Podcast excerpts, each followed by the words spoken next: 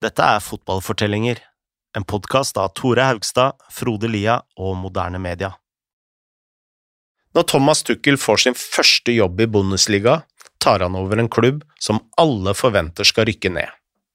Klubben har et knøttlite budsjett, de kalles Karnevallaget, delvis fordi ingen klarer å ta dem seriøst. Tuchel har så vidt tid til å møte spillerne før sesongen starter. Med det alle tror skal bli en ubetinga katastrofe, blir i stedet startskuddet for et av Europas mest spennende lag.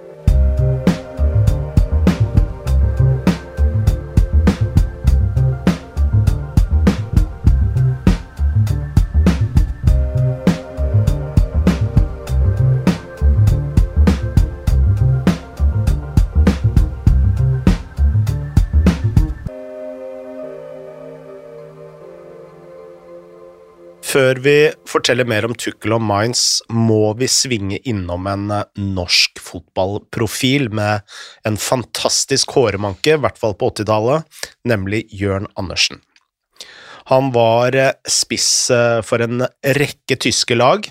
Altså, I Norge spilte han for Fredrikstad og Vålerenga, som de fleste av våre lyttere kanskje kjenner til.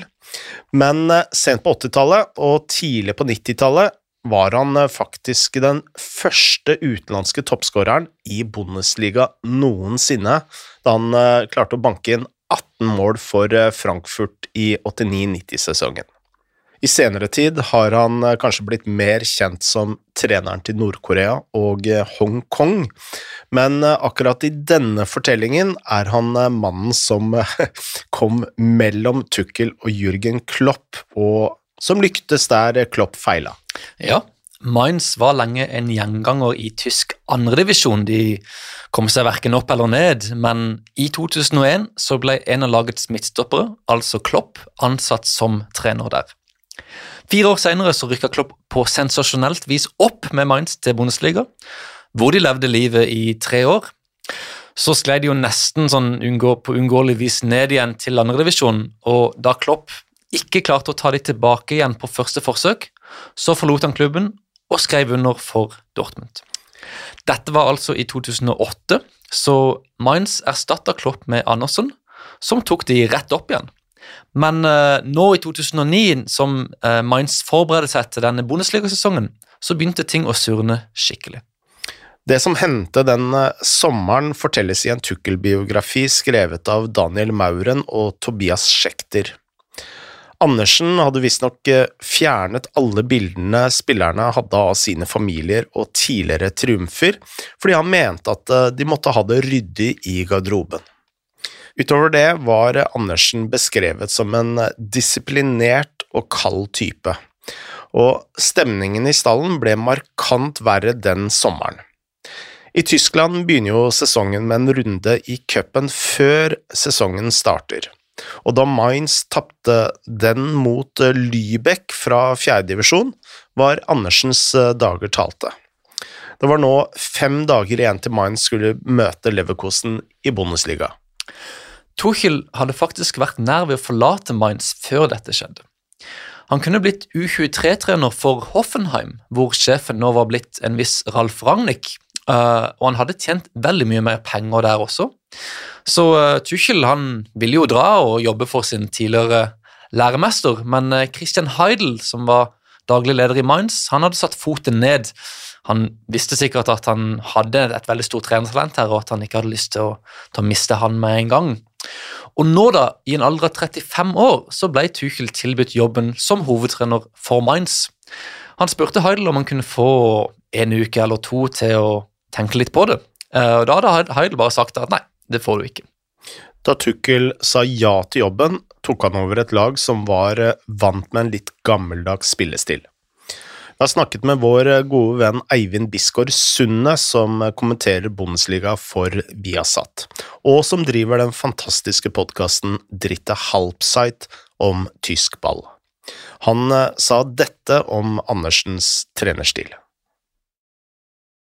jeg har ikke sett treningene til Jørn Andersen de siste årene, men uh, der tror jeg at det handler om, uh, mest om innsats og disiplin, uh, som òg var liksom tysk fotball før, eh, før Ralf Ragnhild. Det har vært mye snakk om Ralf Ragnhild de siste årene, men at, at taktikk og de tingene der ikke har stått i hovedsetet. da. Mens Klopp uh, var nok mer enn eller er jo mye mer enn taktiker, og var nok mer enn taktiker allerede da, selv om han har den uh, personligheten han har og kan, er veldig god med folk. Um, så tenker jeg jo at Jan Andersen er litt annerledes enn Klopp, og særlig da Tuchel, som virker som er veldig opptatt av taktikk. da. Nå skulle altså Tuchel ut blant haiene i Bundesliga. Og da snakker vi om de store, gamle, tunge veteranene som har svømt rundt i disse farvannene i lang tid. Uh, altså f.eks. Felix Magat, uh, som hadde vunnet tittelen sesongen før med Wolfsburg, og som nå var i Schalke. Uh, Louis van Gaal i Bayern München, Jupp Heinkes i Leverkusen, selvfølgelig Klopp i Dortmund, og ikke minst Ragnhild sjøl, som hadde tatt Hoffenheim opp til toppserien. I tillegg så skulle altså Tuchel erstatte mannen som hadde rykka opp med Mainz. Så om Mainz ikke allerede var dumpekandidater før dette trenerbyttet, så var de definitivt blitt det nå. Tuchel var nervøs før sin første pressekonferanse. Og dette var jo en helt annen verden enn det han var eh, vant med på U19-laget. Også da han møtte spillerne, hadde han eh, grunn til å svette litt. De var eh, etablerte på det nivået, mens han var helt ny. Når han hadde hele stallen samlet, var han ikke engang den eldste i rommet. Men så fort han kom ut på treningsfeltet, fikk han en naturlig autoritet. Og måten han innledet sitt regime på, overrasket eh, mange av spillerne. Ja, for eh, Tuchel hadde jo et rykte internt i Mainz for å være en veldig god trener. Folk visste hva han hadde fått til med U19-laget, kanskje hadde noen av spillerne sett kampene og visste liksom kanskje litt sånn hvem dette var. Um, så de forventa vel kanskje noen litt sånn geniale øvelser eller noe slags fyrverkeri som liksom skulle vise hvor, hvor smart denne unge treneren var. Men Tuchel han kom ikke frem med noe sånt i det hele tatt. Han stilte opp med ei fløyte og en stopperklokke, la ut noen kjegler, og så ba han spillerne om, å gå sammen to og to. Og så skulle de altså stå syv meter fra hverandre og sentre ballen til hverandre. Og det, det, var, det var det. Uh, det eneste de skulle liksom legge merke til, var at de måtte si navnene til hverandre før de slo ballen.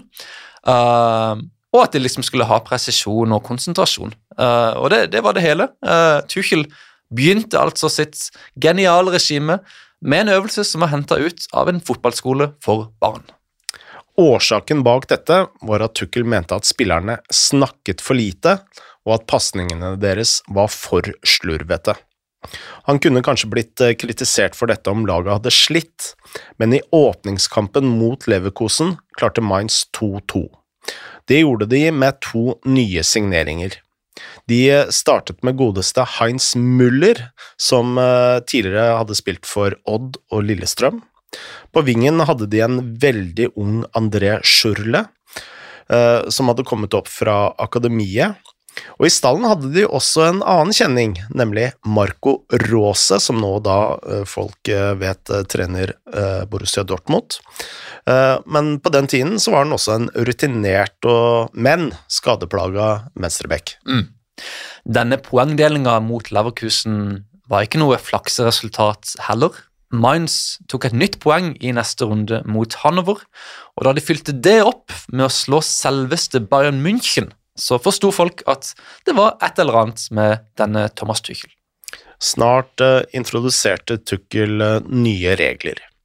Når spillerne spiste frokost, måtte de sitte sammen i minst 20 minutter hver morgen. All bruk av etternavn var ulovlig, og når eh, de sa god morgen til hverandre, måtte de se hverandre i øynene. På treningsfeltet merka Tuchel kjapt at spillerne hele tida slo litt sånne engelske langpasninger. Altså rett opp fra, altså fra midtstopper og rett opp på spiss, liksom. Mm. Uten, uten, vinkel eller uten noen sånn konstruktiv idé bak seg. Uh, vet ikke om dette stemte tilbake fra Jan Andersen-tida eller hva det gjorde, men uansett så irriterte Tuchel seg over dette. Men siden han fortsatt var veldig ung og, og, ny, så var han litt sånn redd for å gi spillerne instrukser om akkurat dette. Han kunne liksom ikke komme inn og sa at nei, nei, nei, gjør det og det og det og det. Da kom han til å få protester mot seg. Kanskje kom de til å si at den spilleren var ledig, eller det ga mening å gjøre det i den situasjonen osv. Så, videre. så for å unngå hele denne eh, prosessen her, så mm. fant han heller opp spesifikke øvelser som tvang spillerne til å slå langpasningene diagonalt i stedet for. Uh, Kanskje fant han opp en regel eller endra størrelsen på banen eller noe sånt. Um, og Det ble starten da på en trend hvor Tuchel og trenerstaben påvirka spillernes vaner via selve øvelsene og ikke via dialog. Mm. På feltet var Tuchel spesielt besatt av to ting. Han ville at eh, treningene skulle være så varierte som mulig, slik at spillerne alltid holdt fokus. Han ville også at eh, treningene skulle være så vanskelig mentalt sett at kampene virket lette til sammenligning. Vi husker jo at Maurizio Mauricio Pochettino sa noe lignende da han var i Tottenham, bare at eh, det handla om løping. Altså, jobb så hardt på treningene at kampene virker enkle. Tukkel ville gjøre noe av det samme, men bare for hodet. Mm. Dette oppnådde Tukkel ved å introdusere en rekke hindre og variasjoner i de tradisjonelle øvelsene som kanskje også vi er vant med på i femtedivisjon eller fjerdedivisjon, eller hvem det skulle være. Han tvang f.eks. For forsvarsspillerne til å holde tennisballer mens de spilte sånn to mot to og én mot én, sånn at det skulle unngå å holde angripere i trøya og gi bort billige, dumme frispark i kamp. Mm. Han brukte også baller som var uvanlig små, sånn at spillerne skulle få bedre teknikken og få noe litt sånn ekstra å tenke på. Um, han la ut baner som enten var ekstremt breie eller ekstremt smale. Om han ville at spillerne skulle spille ofte gjennom midten i neste kamp, så kutta han ut, uh, eller så kutta han bare av hjørnene på treningsbanen.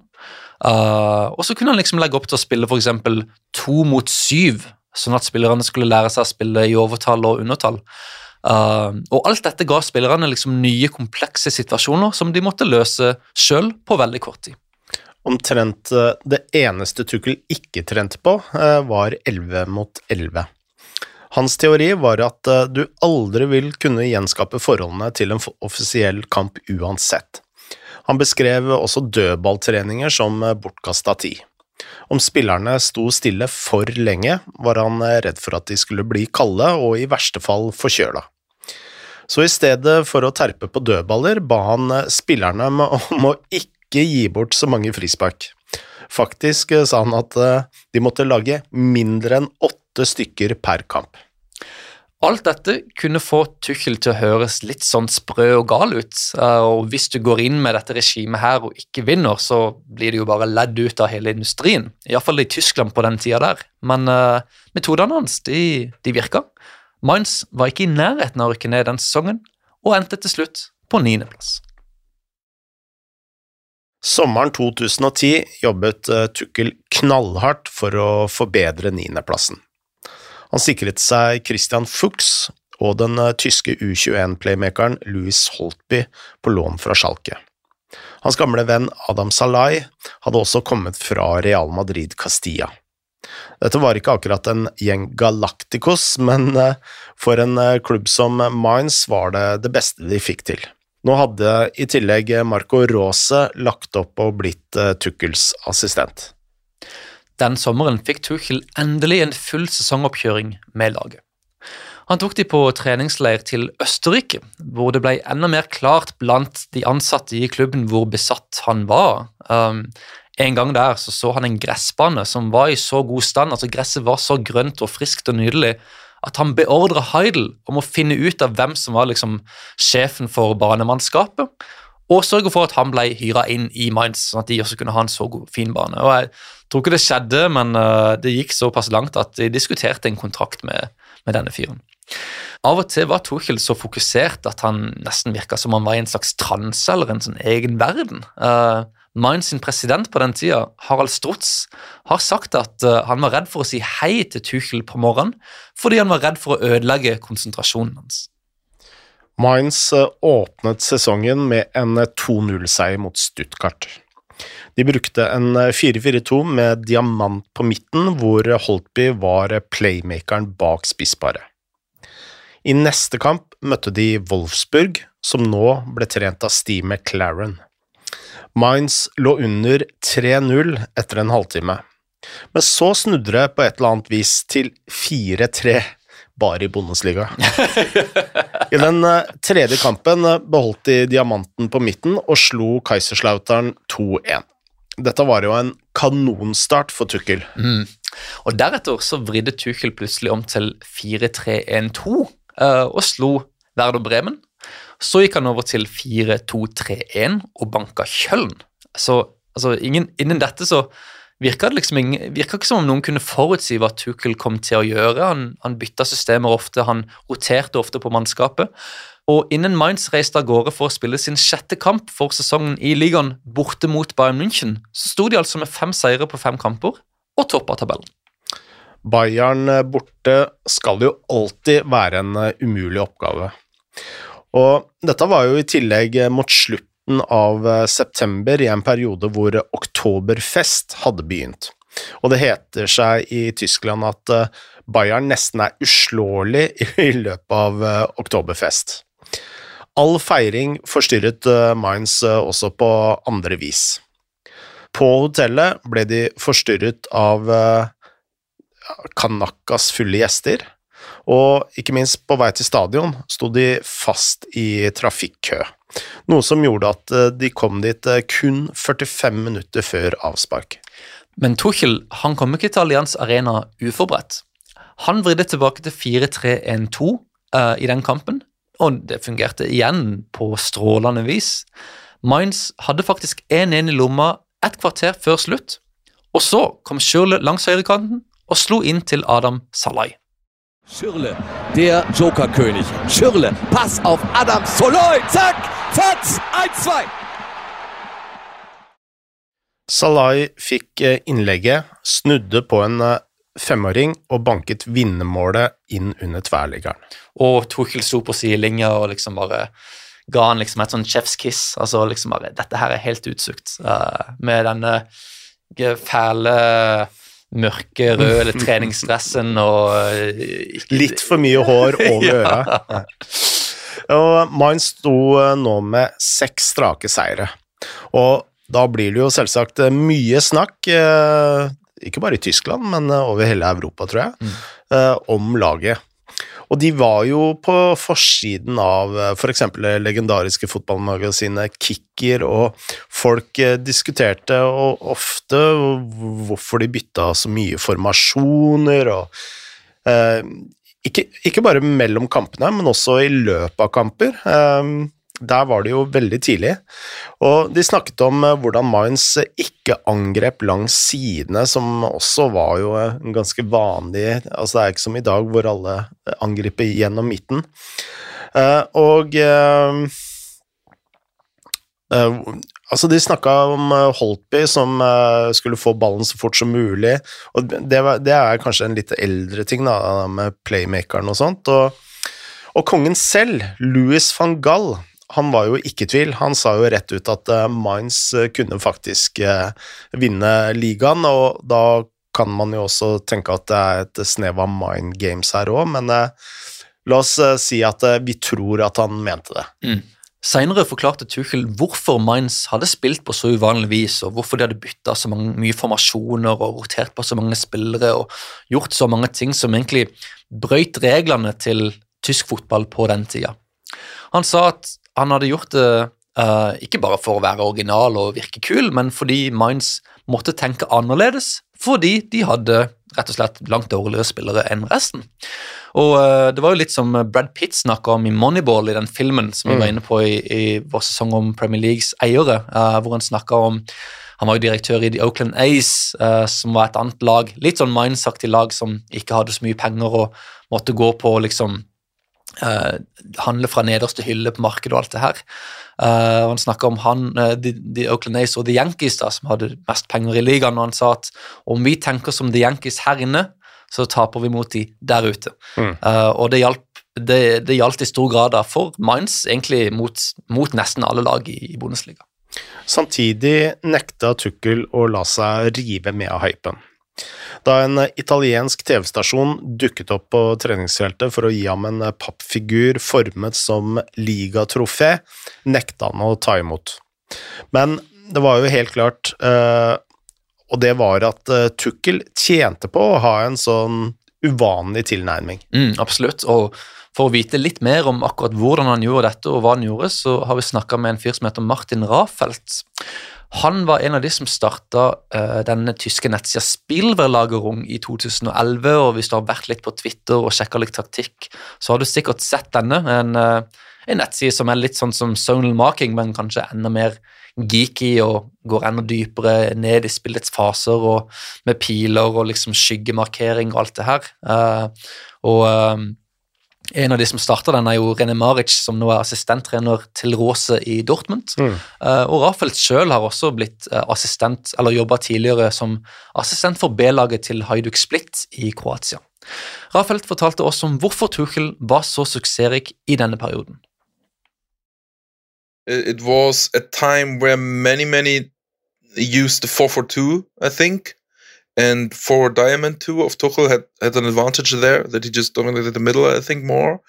And he had he probably did everything just a, a bit better and, and planned better and and he was one of the like this was basically those years not not exactly this year maybe but this year and like the year before and the three years after something like that uh pressing and counterattacking became the very very big topics in in german football um, with like the the national team with with Klinsmann and Löw also um, bringing it forward. 2010 at the World Cup, they they played a very very quick counter attacking with with Özil, Podolski, Müller, um, killing England and, and Argentina there. So it, this this was this was the time that that people or the modern coaches tried to um, implement a very very fast um, transition ga- transitional game and um, I think he was one of these guys, like with Klopp, also with Christian Streich, then coming a little bit later, I think, but not much later,